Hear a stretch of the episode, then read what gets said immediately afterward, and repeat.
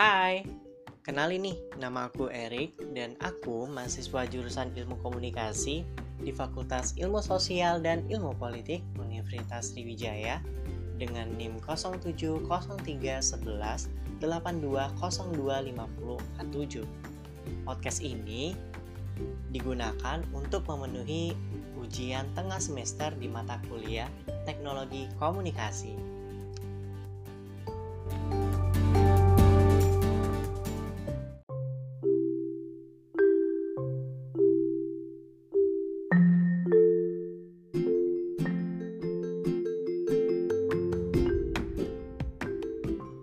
Dalam kesempatan kali ini, aku akan bahas mengenai dampak negatif dari penggunaan internet.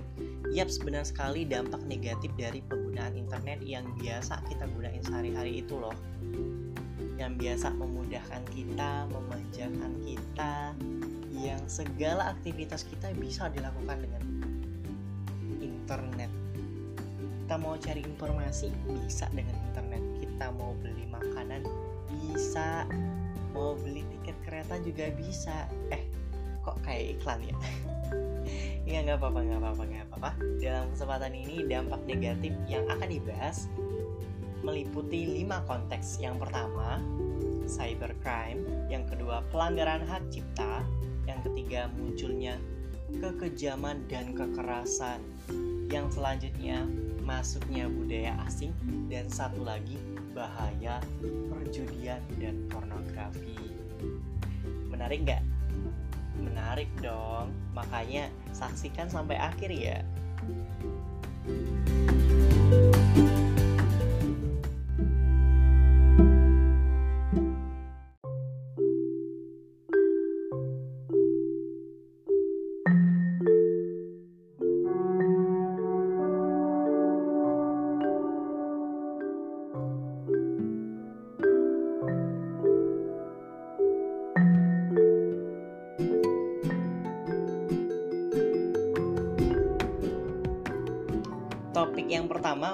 cybercrime. Cybercrime sendiri adalah kejahatan dunia maya, yaitu tindakan yang dilakukan di dunia maya gitu ya.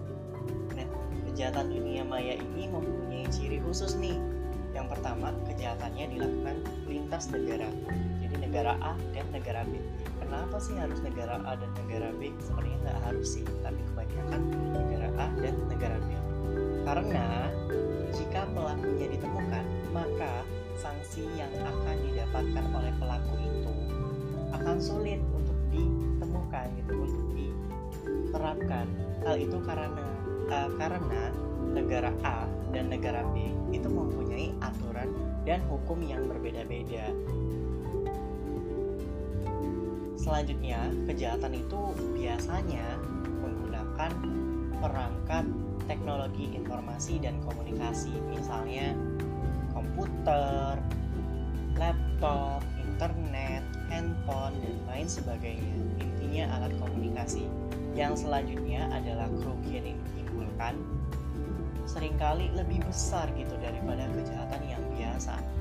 Kejahatan yang ada dalam kehidupan kita sehari-hari itu tuh biasanya nominalnya tidak terlalu besar gitu. Sementara kalau cybercrime itu bisa sampai nggak ternilai gitu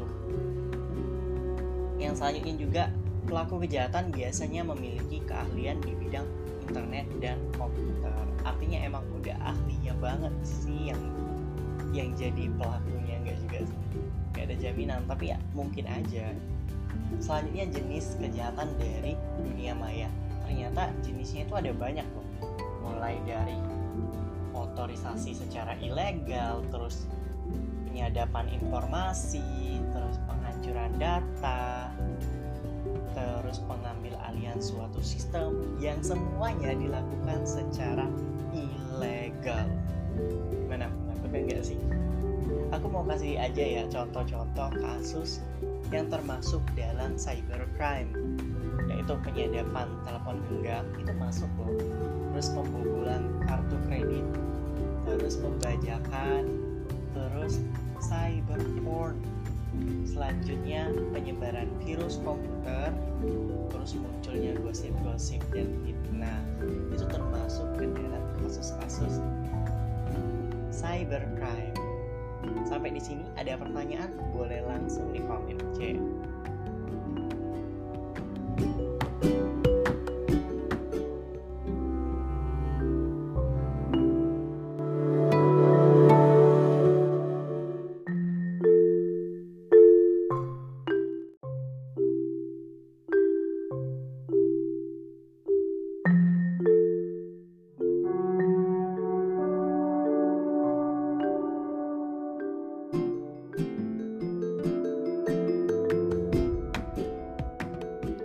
Baiklah, kalau tadi bahas mengenai cybercrime, sekarang mau bahas mengenai hak cipta. Ternyata di era sekarang itu pelanggaran hak cipta itu begitu banyak. Kenapa banyak? Ya kita bisa ketemu sih sehari-hari kita. Misalnya nih, kalau misalkan mau edit aja, itu tuh sering kali kita cari materinya di Google. Padahal di situ tuh kita nggak ada kepastian itu karya siapa gitu bahkan kita hanya pakai aja gitu bisa jadi kayak gitu. Ayo aku. Ya nggak apa-apa sih kalau nggak aku nah mengenai pelanggaran hak cipta sendiri sebenarnya banyak banget kasus yang pernah viral itu tentang lagu yang ini loh. Lagunya KKI itu kan pelanggaran hak cipta juga gitu. Ingat nggak sih lagunya kayak gimana? Aku nyanyiin aja ya. Aku bukan bonek kamu bisa kau suruh-suruh yang itu loh lagunya yang kayak gitu itu kan kena pelanggaran hak cipta gitu. Tak hanya lagu itu lagu-lagu lain juga banyak. Bahkan lagu KKY itu aja bahkan sampai dua orang atau tiga orang yang menuntut gitu karena melanggaran uh, pelanggaran hak cipta. Lantas apakah aman pelanggaran hak cipta ini terus-terus dilakukan gitu? Itu aja enggak pastinya. Pastinya banyak banget orang yang merasa dirugikan karena karya mereka tidak uh, atau dimanfaatkan oleh orang-orang yang bahkan tidak izin sama sekali dalam menggunakannya gitu. Jadi kalau mau menggunakan karya orang lain, usahakan harus mengkonfirmasi sama orangnya dan juga harus ada pulusnya ya. Apa sih namanya pulus itu? Oh, komisinya untuk uh, pembuat karya tersebut sebagai apresiasi kita terhadap karya mereka gitu.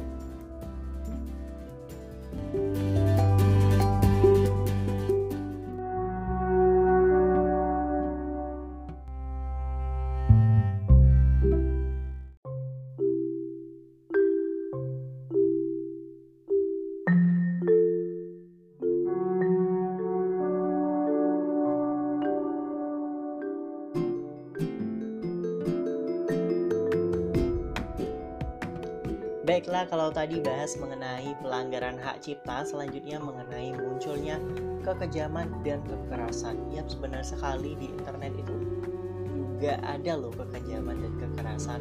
Misalnya nih, seperti yang kita ketahui bahwasanya informasi itu kan mudah didapatin, bahkan menggunakan smartphone kita bisa mengakses hampir semuanya kecuali sesuatu yang dibatasi pemerintah ya atau hal-hal lain yang dirahasiakan gitu kita bisa mengakses informasi itu. Misalnya video-video tentang kekerasan itu tuh banyak banget tersebar di media tersebar pada dunia maya itu banyak banget. Aku sempat nonton satu video yang benar-benar buat aku trauma yaitu ada video kekerasan yang gimana ya jelasinnya benar-benar nggak manusiawi gitu. Aku nggak sengaja lihat itu karena temanku yang iseng. Dan dia aku benar-benar trauma sampai saat ini aku nggak berani lagi untuk melihat video itu. Aku nggak tahu orang lain seperti apa. Akan tetapi menurut saya orang akan berpikir berbeda gitu. Kalau aku lebih ke trauma untuk melihat itu orang lain bisa saja tidak gitu. Yang ditakutkan adalah saat manusia itu sudah mau meniru gitu apa yang dilakukan dalam video tersebut. Jika ia mau meniru itu, maka ini akan menjadi pengaruh negatif, akan berpengaruh pada sikap dan perilaku dia, baik kepada diri sendiri maupun orang lain. Oleh karena itu, dampak internet ini harus dikontrol lah agar kita nggak sampai melakukan kekejaman dan kekerasan.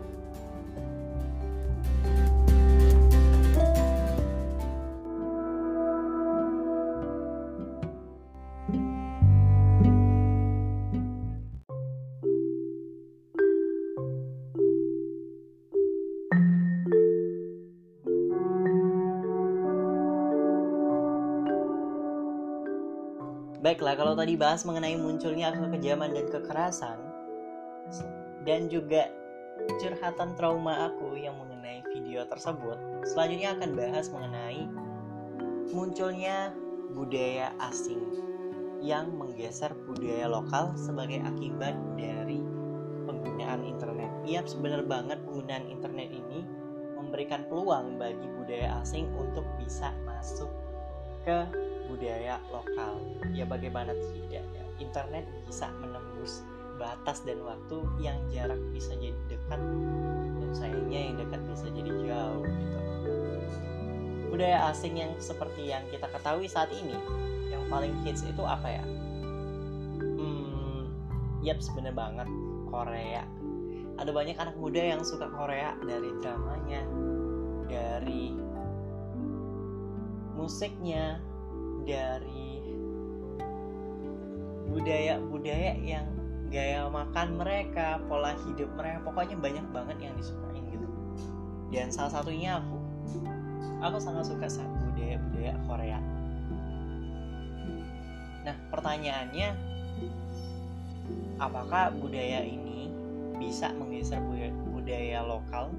Jawabannya bisa jadi iya, bisa jadi tidak kalau dijawab iya, iya karena penggunaan internet saat ini memberikan peluang gitu bagi budaya-budaya asing untuk semakin mendominasi gitu. Karena banyak juga anak muda Indonesia yang saat ini pada lupa sama budayanya. Banyak budaya-budaya yang sering ditinggalkan gitu.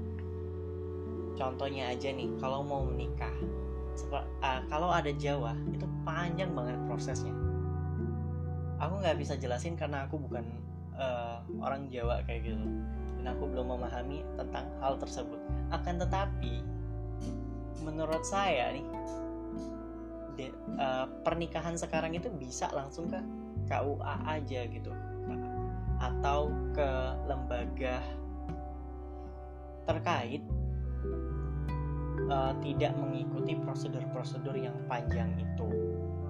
Sehingga ini membuka peluang nih dari budayanya udah masuk terus juga anak mudanya yang udah mulai meninggalkan budaya-budaya lokal. Kalau dibilang tidak bisa saja terjadi karena Indonesia begitu beragam. Bahkan sejak Nusantara belum terbentuk itu sudah punya cirinya yang bahkan sampai saat ini itu masih bertahan. Oleh karena itu bisa jadi iya bisa jadi tidak. Gimana? Menarik nggak apa harus dibahas? Kayaknya di lain kesempatan aja ya kita bahas itu. Selanjutnya mengenai bahaya perjudian dan pornografi uh, pornografi. Apakah mau dibahas? Iya sebenarnya sekali. Dibahas di podcast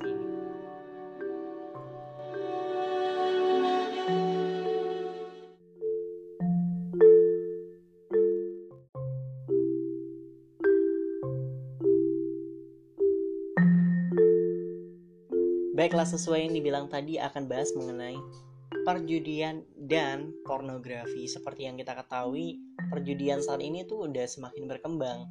Dari yang sebelumnya menggunakan kartu, datang secara offline, terus kumpul-kumpul, itu bisa diubah menjadi secara online gitu dengan misalnya jual slot atau misalkan penipuan-penipuan lain, judi-judi metode-metode online itu udah banyak banget. Ada banyak iklan-iklan yang ada di website, yang ada di jalan juga udah pada rame itu. Akan tetapi saya sendiri masih kurang memahami hal tersebut sehingga aku masih bingung gitu mau jelasinnya bagaimana. Langsung skip aja ke pornografi. Seperti yang kita ketahui pornografi itu sangat berbahaya gitu karena dapat merusak uh, otak. Ada banyak riset yang mengatakan bahwasanya ini bisa memberikan dampak buruk bagi kesehatan, terutama bagi anak-anak gitu. karena yang seperti yang kita ketahui anak-anak itu di era-eranya gitu mau tahu ini apa sih itu apa sih serba ingin tahu gitu sehingga uh, memberikan dampak gitu dampak-dampak lain yang ditimbulkannya adalah anak-anak itu sudah tidak peduli dengan agama iman atau kepercayaan kepada Tuhan. Juga anak-anak bisa jadi menjadi malas belajar bisa jadi mengalami kerusakan moral terus juga sering kali mengakses uh, situs tersebut terus melakukan kegiatan-kegiatan yang terlarang terus juga melakukan ketindak kriminal kejahatan hingga sesuatu yang tidak bisa dibayangkan lagi gitu. Dan satu lagi anak-anak bisa saja itu menjadi antisosial.